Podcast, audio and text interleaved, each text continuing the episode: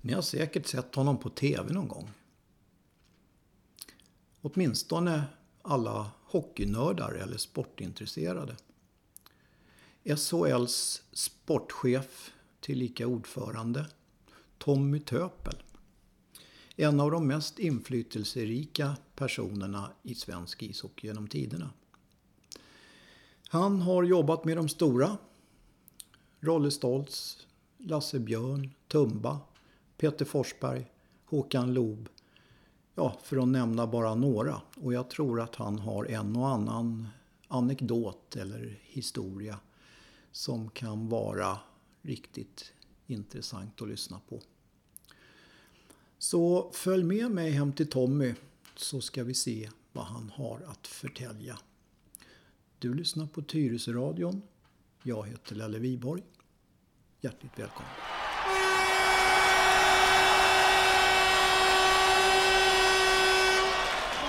När det spelas hockeymatch kan du se Det är tuffa grabbar de som är med Det är tackling hit och tackling dit Tills någon åker dit på en nit Tänk jag tycker de har fattat så fel Det är pucken som ska vara i spel Den ska passas härs och passas tvärt Och sen ska den skjutas in i Då har jag kassen. kommit hem till Tommy Töpel. En ishockeylegend får man väl säga. Och att vi pratar ishockey nu mitt i sommaren det beror på att man tycker att just årstiden passar nästan bättre för, för ishockey. För det är kallt. Vi spelar in det här den, eh, vad är det för datum idag? Den 12 va? Eller maj. Och eh, det är kallt som bara den. Men vi har ju fått till det här i alla fall. Vi har pratat om det här länge Tommy. Ja, det har vi gjort.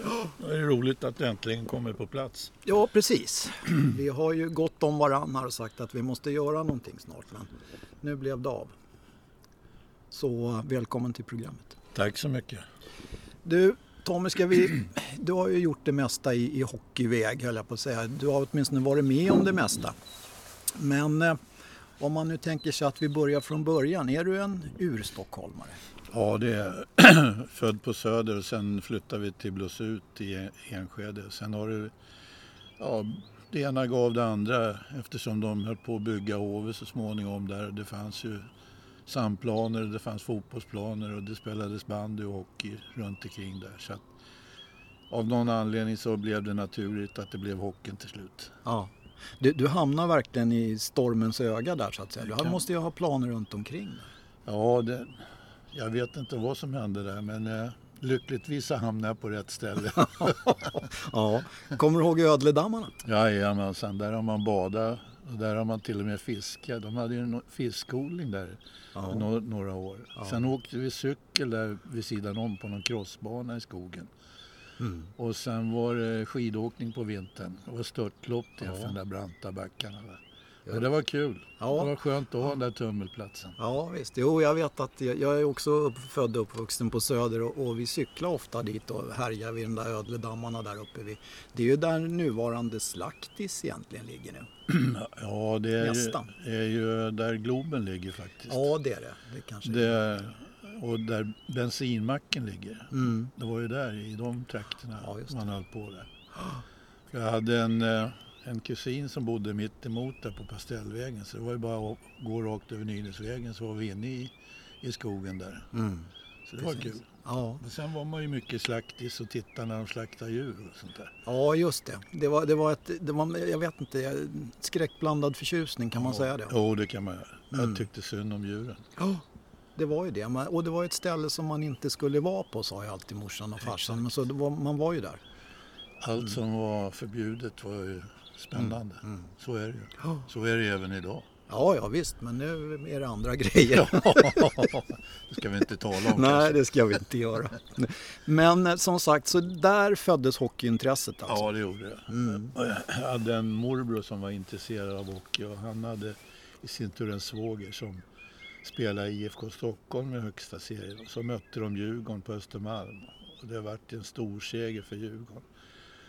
Och då var Sven i sitt esse. Jaha, Han blev ju min idol då. Mm. Jag kommer inte ihåg hur gammal jag var då men då fastnade jag liksom, det här ska jag hålla på med. Ja, Och så blev det. ja. Har det varit Djurgården som har gällt hela tiden? Nej, jag började i Cigarrlådan hette det. Det var ett kvartersgäng det var en farsa som hade tobaksaffär. Jaha. Så satte vi ihop ett kvarterslag där och sen så blev namnet Cigarrlådan. Det var en av killarna som kom på det. Och sen fick Hammarby ögonen på mig så jag spelade Hammarby ganska länge till jag var 18 år. Jaha, okej. Så han eh, med en liten sväng i A-laget där. Tyvärr åkte de ut i år. Jag vet inte om det berodde på mig eller de andra men, men det var ju lite synd. Så då gick jag till Djurgården. Så Ja, var jag där i ett par år men så blev jag skadad och då gav jag mig in på ledarsidan istället. Och tränarsidan. Har du ångrat det någon gång? Nej, jag skulle göra om samma sak igen faktiskt. Mm. Eh, utan tvekan. Det har varit en fantastisk tid. Alltså, jag har hållit på med det sedan ja, fem, sex år. Och idag är jag 75, fyller snart 76. Så Ja. att, eh, jag skulle göra om samma sak. igen. Ja, det kan jag förstå för det har ju gått bra.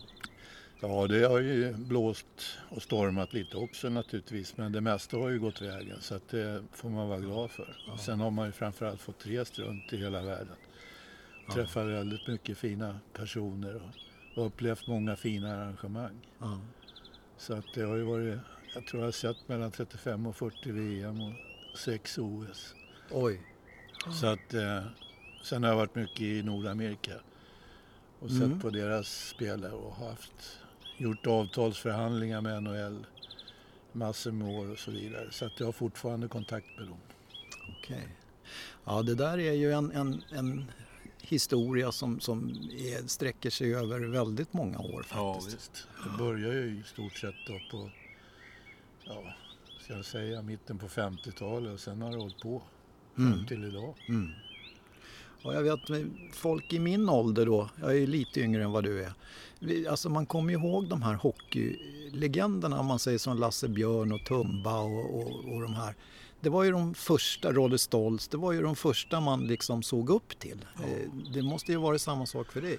Ja, det blev ju det genom att jag såg Djurgården som jag nämnde tidigare i programmet. Att, Mm. att eh, Tumba var ju den som fastnade på min ögonhinna. Men de hade ju många bra spelare där. Det var ju bröderna Tvilling var ju med där. Stick, Mm. Ja, Stickan och Hasse. Du hade ju eh, Lill-Ulle Johansson. Eh, Mm. Kanske inte många känner till men Ja, var väldigt begåvad spelare. Mm. Knivsta Sandberg just det. var ju med där. Så Det här att, är eh, ju ett helt knippe Djurgårdare Ja, egentligen det- som också spelar i landslaget. Så där hade du Ove Malmberg, eh, Tommy Björkman stod i mål. Mm. Så det var många, Yngve Johansson hette den andra målvakten. Så det var många fina namn där. Ja. Och då hade ju Djurgården många landslagsspelare också. Det var Ja. ju sju, åtta stycken i landslaget på Ja. den tiden. Eh, Tumba har man ju sett i andra sammanhang också än, än eh, i hockey. Jag menar, han var ju lite underhållare och spelade vink och sådär. Kommer du ihåg något kul? Ja, jag vet eh, en fotbollsmatch bland annat. Han, han var ju med i landslaget faktiskt vid, vid några tillfällen. Ja, just det. och blev ju svensk mästare i fotboll också med Djurgården. Och då hade de, var de nere i Malmö och spelade. Då hade de en eh, hall, centerhall där som hette Sven Gertsson. En Mm. riktig råbus och ful sådär. Lite sparka lagom på smalbenen. Ja, Och sen hade han ju trakasserat Tumba hela tiden då. Och att han skulle inte hålla på med den här sporten utan han skulle spela ishockey. Men helt plötsligt så smet att Tumba in en kanon i krysset. Och så gick han fram till Sven Gertsson och så sa han, du Svenne, kul sport det här, vad heter den? vilken drepare. Ja, det var en riktig jävla snyting. Ja, ja, ja, visst, visst. Men visst. han hade ju mycket hyss för sig. Han åkte in på, på isen ibland, hade glömt att ta av sig skridskoskydden. Det vart ju världens jubel.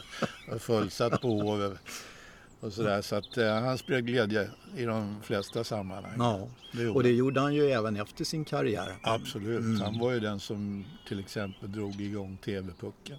Jaha, var jag, han var ju den som anstiftade kan man säga tillsammans med SVT då. Mm. Bengt Bedrup och han.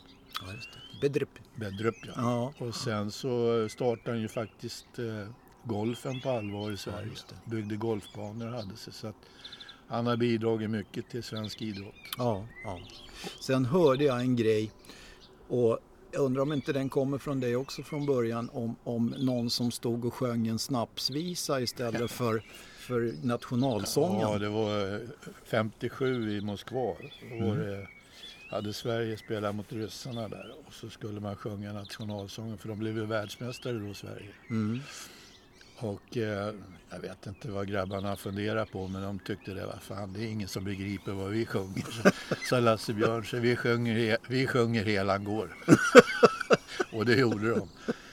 Ja, och eh, på den tiden var det inte så mycket media kring det här så att det kom väl inte ut förrän långt senare att de hade gjort det. Nej, just det. Hade det varit idag så hade det varit mer eller mindre en, en riktig katastrof. Ja, verkligen, verkligen. Jaha, och sen så, så, så gick du vidare och hamnade på Gotland om jag förstår saken rätt. Ja, det var när jag hade utbildat mig till gymnastiklärare. där. Sen så, så var, vart jag skadad i, när jag spelade i Djurgården. Så jag var tvungen att göra någonting annat, byta miljö helt enkelt. Mm. Men där fick jag möjligheter då till att eh, undervisa och eh, vara med och träna olika lag. Och, eh, byggde upp mycket av träningslära och sånt där för olika lag där nere. Ja. Och eh, sen blev jag anlitad utav mycket olika förbund här i Stockholm. Fotbollförbundet, handbollförbundet, hockeyförbundet, bandyförbundet. Och höll kurser här med steg två, steg tre och sånt där. Mm. Och sen gav det ringar på vattnet och det gjorde också att då förbundet, hockeyförbundet ringde en, en dag och frågade om jag inte kunde börja jobba hos dem. Mm. Och då gjorde jag det. Och eh, där hade jag hand om ungdoms och juniorlandslagen och eh, TV-pucken och sånt där. Okej. Det var ju jädra kul och roliga jobb. Fick man ju Ja. åka runt och kolla på spelare och Ja. i den, redan i den åldern. De var ju Ja, det. 15-16 år då. Jaha, Så, så, att, eh, pass det tidigt var ändå. pojklandslaget. Ja, Ja. Visst. Så det var ju frukten utav TV-puckspelare då som, Ja, som man plockade in på. Då. Ja. Då hade man ett norr och ett söderläger. Och det var ungefär 20 spelare på varje läger. Mm. Och sen tog man ut ett pojklandslag av det. Mm. Och då tog du ut en kille som eh, du, du var ganska ensam om att han skulle bli uttagen så att Ja. säga. Eh, Det var Håkan Loob. Mm. Vi hade, när vi satt och tog ut de här spelarna då, så hade vi väl tagit ut 39 man. Eh, Så att den norra gruppen var klar, den andra skulle vara i Södertälje. Och då hade jag varit i, i Tibro och sett TV-pucken där och där var Håkan med. Men jag kände till honom sedan tidigare eftersom jag hade varit på Gotland. Mm. Så att jag sa till eh, Tigen Johansson och Kjelle Damberg som var med och plockade ut laget att eh, jag tycker vi ska ta med den här gotlänningen, Håkan Mm. Loob. Mm. Då började de skratta. och sa, "Nej, vad fan håller du på med? Ja men så jag, han är bra. Mm. Och sen så var det inte så mycket mer med det och de satt där och velade och sa ingenting och jag tänkte jag ska inte säga någonting.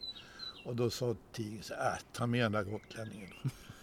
och då sa jag till dem, ja om vi har tagit ut 40 spelare och vi missar en, det kan inte vara hela världen. För vi har i alla fall ett lag att sätta på benen, 20 man, så det spelar ingen Mm. roll. Och sen åkte vi på en sexnationsturnering nere i Ljubljana eh, strax efteråt. Det tog 30 sekunder så hade Håkan gjort mål.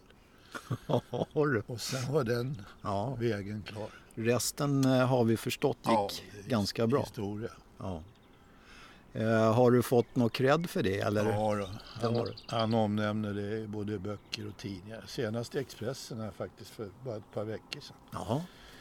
Så att eh, han har inte glömt. Nej, det ska man nog eh, vara försiktig med att glömma Ja. sådana saker faktiskt. Så att, eh, men det finns ju flera spelare som man har sett och som man har plockat upp ifrån de här TV-pucks-tävlingarna. Ja, Så har du några eh, exempel? Ja, Tommy Samuelsson till exempel Ja. som, som har varit tränare många år, med landslagen många år. Mm. Så att eh, det finns några stycken till men det, Mm. det är de som jag tycker är viktiga. Ja. Spännande. Ja, Ja, faktiskt. Ja, okej, men vid det här läget då, då hade du lämnat Gotland, eller? då hade jag lämnat Gotland. Mm. Då flyttade jag hit till Tyresö Mm. och sen har jag bott här sedan dess. Så det är, det- jag gillar den här miljön. Nära till Tyrestaskogen. Gillar mycket att gå där och, Ja. och tycker att det är, det är som att få lite ytterligare frisk luft. Ja, det är utöver det. vanliga. det är det ju. Jag vet inte, jag, ja, vi bor ju inte så långt ifrån varandra. Jag tycker det är just den här valfriheten. Antingen kan man sätta sig på bussen och åka till stan eller också kan man gå rätt ut i skogen. Ja, Det- det är ju nära till stan. Det är Ja. ju inga problem om man Nej. vill det. Nej, nej. Men det vill man inte. Nej, han har- varit så mycket i stan Ja. när man jobbar. Så Ja, precis. då, eh, då är det rätt skönt att, att få lite annan miljöombyte. Ja, visst. Men hur kommer det sig att du hamnade som, som sportchef i SHL då? Jag menar, det är ju höjdarnas höjdare. Ja, jag var ju ordförande först i tio år. I, sen så kände jag liksom att jag hade fått uppleva det mesta och hade jobbat upp eh, ekonomi och allting. Och sen så kände jag att, att både jag och, och eh, hockeyligan behövde lite förnyelse på den positionen. Så vi var ganska överens om att vi skulle göra något annat. Och då, då så frågade de vad jag ville göra istället för de ville ju inte jag skulle sluta. Nej. Och då så sa jag det att ja, men sporten har vi liksom inte byggt upp. Eh, och den delen i verksamheten. Så det kanske skulle vara någonting att vi satsar på det. Och det tyckte de. Mm. På den vägen då. Så då hamnade jag där istället. Och, så man har fått vara med om alla möjliga olika regeländringar och, och eh, va, vägval när det Mm. gäller antal lag och slutspel. Och vi, när jag började så var det ju bäst av tre i, i finalen Ja, det. till exempel. Nu är det bäst av sju. Ja. Det är sådana här saker man har följt upp genom åren. Vad, vad är det för ansvarsområden som en sportchef har egentligen? Jag menar för oss som, som inte är insatta i... Man, det har jag ju sett hundra gånger på tv och Ja. i alla olika jävla situationer. Men Det som är grunden till alltihop det är tävlingsbestämmelserna. Det är Ja. ju upp och nedflyttningar och sånt, Mm. sånt här ska gå till. Sen är det ju bestraffningsärenden, alltså disciplinärenden. mm. Om du förseelse som inte hör hemma på hockeyplan. Sen eh, jobbar man ju och tittar på hur man kan förädla sporten då med ah, regeländringar och sådana här saker. Sen har du ju inte en helt oväsentlig sak som som man också är inblandad i men som man till början var ansvar för, det var ju domarna. Jaha. Så att eh, där var jag ju med och införde proffsdomare bland annat. Mm. vi började med Kuben Andersson från, från Gävle. Han och sen eh, eh, så fortsatte det efter honom så att det vart ju för varje år så byggde vi på ytterligare domare. Så idag är det ju jag tror det är 15 domare idag och 10 eller 11 av dem är heltidsanställda. Okej, så de gör inget annat gör- alltså? Nej, det Okej. gör de inte. Jag Sen- hör, ja, förlåt. Och sen så var jag med om och eh, tog fram det här med målkamerorna. Jaha, så där var du inblandad? Ja. Mm. Det var min idé. När, när det började i NHL där så sa jag att vad fan, det här måste vi ha. Det, det var en massa tolkningar? Ja, alltså, just det. Mm, mm. Och då eh, var det ju många ledare som tyckte att det kostade för mycket och, och man tyckte att det var onödigt. Och då sa jag till, jag blev lite småsur vid ett möte, så sa jag det. Om ditt lag, så pekade jag på en speciell ledare där eftersom det var han som var mest obstinat. Mm. Om du får ett mål bortdömt i en SM-final eller ett sista match som gäller att gå till SM-slutspelet Mm. och det blir en felaktig bedömning där. Jag tror inte du tycker det skulle vara kul då att tappa hela inkomsten för slutspelet. Ja. Och då så gick det väl upp en, en, en idé i hans skalle också att det här var nog ganska bra att göra. Mm. Och det har ju visat sig också. Ja, ja, precis. Ja. Jag ska bara säga det för de som kommer in mitt i programmet här att jag sitter och pratar med Tommy Töpel. Ordförande och sportchef före detta i SHL. Och vi är inne på domarbiten här nu och eh, domarna då kommer jag ju osökt att tänka på den här sekvensen med Peter Forsberg när han är så förbannad så han håller på att nästan spricka i unga år därför att han tycker att han har blivit feldömd. Ja. Han säger att ja, början är så jävla kass att man skulle skicka på honom en smäll. Ja, det är klart att eh, han hade en enorm inst- tävlingsinstinkt. Alltså. Det har han alltid haft. Det spelar ingen roll om du ser på tv idag när han är med i Mästarnas Mästare. va. Han ska vinna till varje pris. Det spelar ingen roll. Så att det där, det där, eh, den där känslan han hade där, den, den fanns bara. Den skulle bara ut. Mm. Mm. Och han har alltid varit rak. Han var ju väldigt blyg när han var i den åldern. Han sa inte så mycket. Nej. Men på plan, då jävlar. Förlåt att jag svär. Ja, det får man göra. Då var det riktigt, då var det blodigt allvar. Ja. Och det spelar ingen roll om det var träning eller någonting. Det var tävling på träningarna i Modo när de spelade där. De hade satt väl upp vissa mål och de tog, slog till och med vad om mellan femmorna då. Mm. Vem som skulle vinna träningsturneringen då under säsongen. Så hade man ett pris till slut då. Vem som hade vunnit de flesta tvåmålsspelarna på, på träningsperioderna. Jaha, så det var... Så det var blodigt allvar. Det hade, Brynäs hade det på sin tid också på 60-talet. De tävlade ju varje träning. Alltså. Mm. Det fördes protokoll Ja, ja, till ja. och med. Ja, det måste ju vara... Peter Forsberg måste ju vara en, en riktig vinnarskalle faktiskt. Ja. Men eh, du känner honom rätt väl antar jag? Ja, jag har eh, kamperat ihop med honom både i, i Sverige på, och i Europa och även i New York. Eller ja, i, i USA på olika ställen. Mm. Både i Colorado, och Philadelphia och New York när, när jag var där. När han, spelade, han avslutade sin karriär i Philadelphia Ja. bland annat. Men han... Eh, vi var ju uppe på NHL-kontoret där och träffade Gary Bettman och eh, Bill Daley.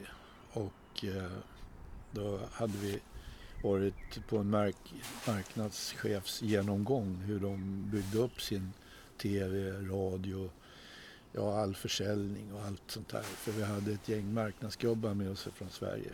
Mm. Men efter det här så bad de mig och Peter stanna kvar så de ville prata med oss lite grann.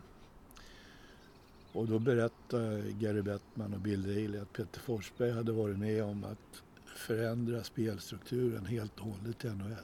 Oj. Hans aggressivitet och allt sånt här, spelidéer och hans inställning hade revolutionerat NHLs spelstil. Det säger ju en del. Och eh, då får man liksom tänka efter lite. Ja, det har funnits några stycken. Ja visst. Ja. Och eh, det är stort när de säger det. Ja, verkligen. Verkligen stort. Bättre betyg än så kan Nej, man väl knappast nej. få inom hockeyvärlden. Det var samma, vi var i Philadelphia. Då fick de ju syn på, då hade de zoomat in honom där på en bild. Mm. 18 000 ställer sig upp och bara vrålar rätt ut. Och det var samma i Colorado när vi var här. Vet, det bara dånar i öronen. Alltså. Ja, häftigt. Ja, det är rätt häftigt. Ja, Då förstår man hur stora de är där borta. ja visst. Det är det som är lite tråkigt att de spelar på natten. När vi oftast orkar inte folk se det och, Nej, så är det ju. och så vidare. Mm. Så att, eh, det är lite tråkigt att det är på det viset. Så att Mm. många av de här NHL-spelarna är ju jättestjärnor där borta. Ja, Men folk vet ju knappt vilka, vilka det är här hemma. Om de inte är lokalt anknutna. nej, just det. Så är, så är det. Jag menar, vi, Mats Sundin, han lirar väl också i Djurgården till exempel. Han Ja, var ju stor där borta. Ja, Ja, så att eh, Mats har ju, han var ju lagkapten där i över tio år Ja. i Toronto. ja. Och var ju fantastisk ledare alltså, Mm. och spelare. Mm. Så att jag menar, om man tittar tillbaka på de här lirarna så Salming får man väl lyfta först då. ja just det. Jag tänkte Som liksom var lite baneman där. Mm. Även om Tommy Bergman var före honom. Ja. Och sen kom ju, kom ju den ena efter den andra farande där. Och sen när vi tittar tillbaks på Lidström, Mm. Forsberg, Sundin. Eh, ja, det finns flera. Henke Lundqvist. Mm. Eh, så att eh, ja, man skulle kunna räkna upp hela laget Ja, som vann OS där 06. De har gett en många korta naglar framför tvn. Ja, det, det är faktiskt så. ja, Men eh, annars då Tommy, du är ju sån här sommargotlänning fortfarande. ja det är Mm. Ska du åka tillbaka dit i sommar? eller? Jajamän, Mm. det blir det.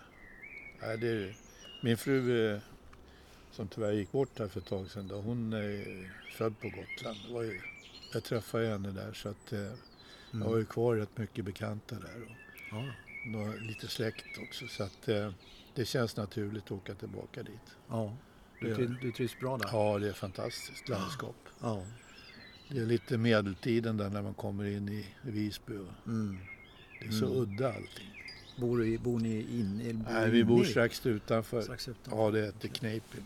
Ja, ja, det är där de Ja. har ett stort sånt här sommarland. Sommarland, Ja, just det. Vi bor en liten bit ifrån det. Mm.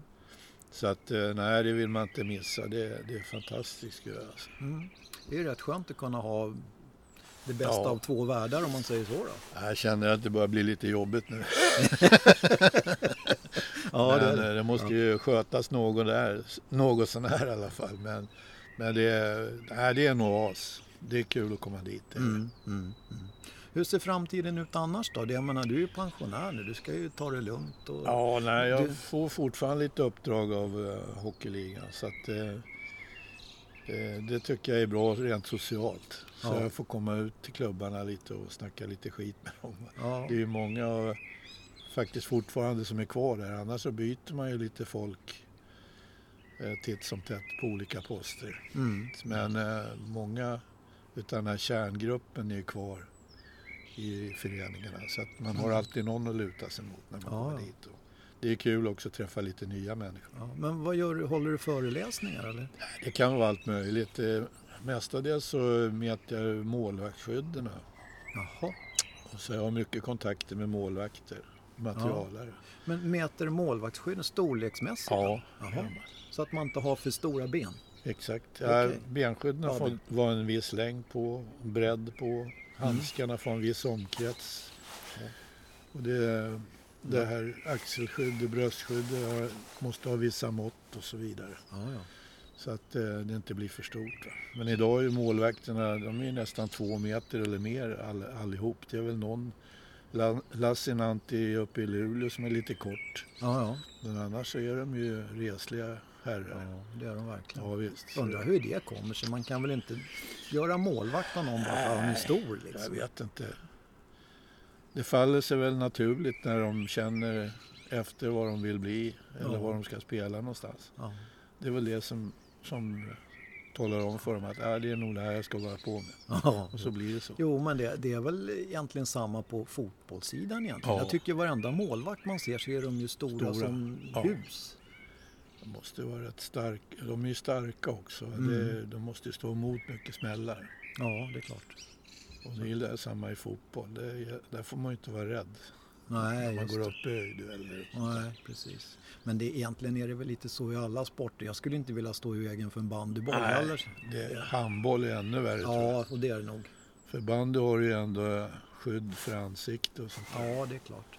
Och sen är det ju så, i- just i handboll, det är så mycket start och stopp där. Du Ja, måste ju slita hårt på knäna. Ja, absolut. Nej, de är, om man tittar på idrottsmän sådär, som är värda att beundra, då är det handbollsspelare. Ja, De bara skakar av sig och reser på sig. ja. Och jag menar, där, där finns det ju både och så att säga. Men om man tittar på Vranjes som var en tvärhand hög Ja. mot, mot Per Carlén då. Ja, Det är ju jätteskillnad, men man kan ju Ja. vara duktig hur man än ser Absolut. ut. Här och så det, jag tror att det är så att när man väl kommer igång med idrott så hittar man så småningom sin nisch så att säga. Mm. Det som är viktigt tror jag det är att när man är ung och frisk och kry att man provar på olika idrotter så att Ja. man vet verkligen. Vi talar om Håkan Loberg, han skulle Mm. kunna bli lika bra i pingis eller tennis eller fotboll. Han var grym alltså med bollar. Mm. Det var så du upptäckte honom? Va? Ja, det var eh, genom såg han spela tennis första gången. Ja. Han var 10 bast. Mm. Helt makalös. Mm. Det fanns där Och då redan. sa de att han var ännu bättre i pingis. Så då kan man ju börja fundera. ja, det är sant. Ja. Det är sant. Jaha, där ser man. Men, men du tycker man ska hålla på med en massa olika grejer till man Absolut. hittar sin riktiga... Ja, Mm. det, därför att det utvecklar olika muskler och du blir stark av det. ja. Och sen gäller det bara att hitta sin nisch så Mm. småningom. Jag tänkte återknyta det här till, till domarna. Jag hörde på radion häromdagen om en, en tjej som dömde fotboll. Och hon tyckte nu att det var så skönt nu för att det var inga föräldrar med på matcherna i de här coronatiderna. Och det är egentligen en ganska ruskig tanke tycker jag. Skulle du vilja säga att, att föräldrarna bär sig åt? Ja, det är många föräldrar som skulle behöva sättas munkavle på. Ja. Jag brukar gå ner här i Torvalla eller i, eh, vad heter hallen här? Eh, Fontana. Fontanahallen. och eh, jag kan väl säga att eh, en del ord lämpar sig inte Nej, överhuvudtaget. det är så illa. Ja, och ibland har jag faktiskt gått fram och frågat vad de håller på med. Mm. Och då tittar de på en som en jävla idiot ungefär. Mm. Det har du inte med att göra. Nej, Men de vet ju inte vem jag är, Nej. förhoppningsvis. nej, nej. Men jag bryr mig inte om det. Utan jag tycker bara att de borde liksom kunna skärpa sig. Det, Ja, och tycker- det är unga pojkar som spelar. Alltså, Ja, de är visst. 10-12 år. Och där står man och gapar och skriker. Ja. På både domare och sina egna spelare till och med. Mm. Mm. Ja, är... Så att, eh, nej, skärpning föräldrar. ja, Se var... till att ni får era barn utbildade istället och att, att de har roligt istället för att bli utskälld. Mm. Det är viktigt. Det tycker jag var en eh, sammanfattande mening om, om hur det borde vara i sporten. Har vi glömt något Tommy? Ja, vi ska kunna hålla på hela dagen tror jag med olika grejer. Ja. Men, Ja, jag, jag kan ju komma tillbaka så kan vi göra en lång, lång radioserie ja, det kan man säkert göra. Ja. Nej, för varje tid har ju sitt. Jag menar om du delar in 50, 60, 70, 80, 90, 2000-talet så finns det ju olika episoder som man Ja. skulle kunna berätta mycket om. Det gör det ju. ja, Så precis. nu har vi bara plockat lite här och där. Ja, just det. Men vi har plockat rätt bra ändå tycker jag. Ja, det, det beror ju på den som intervjuar.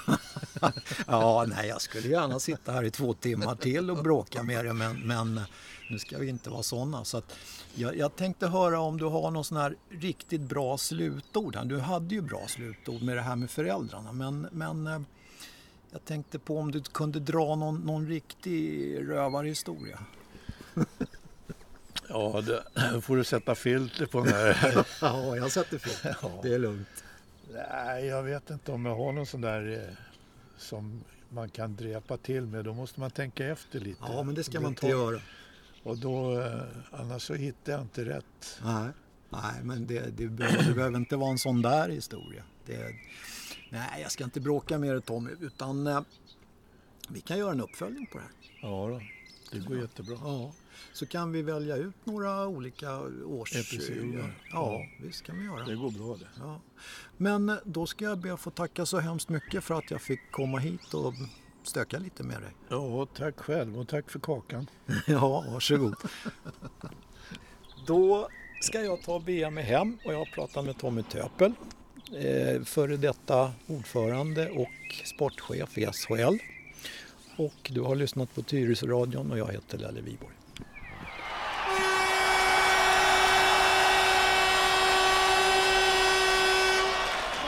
När det spelas hockeymatch kan du se Det är tuffa grabbar de som är med. Det är tackling hit och tackling dit. Tills någon åker dit på en nit. Tänk jag tycker de har fattat så fel. Det är pucken som ska vara i spel. Den ska passas härs och passas tvärt Och sen ska den skjutas in i kassen där.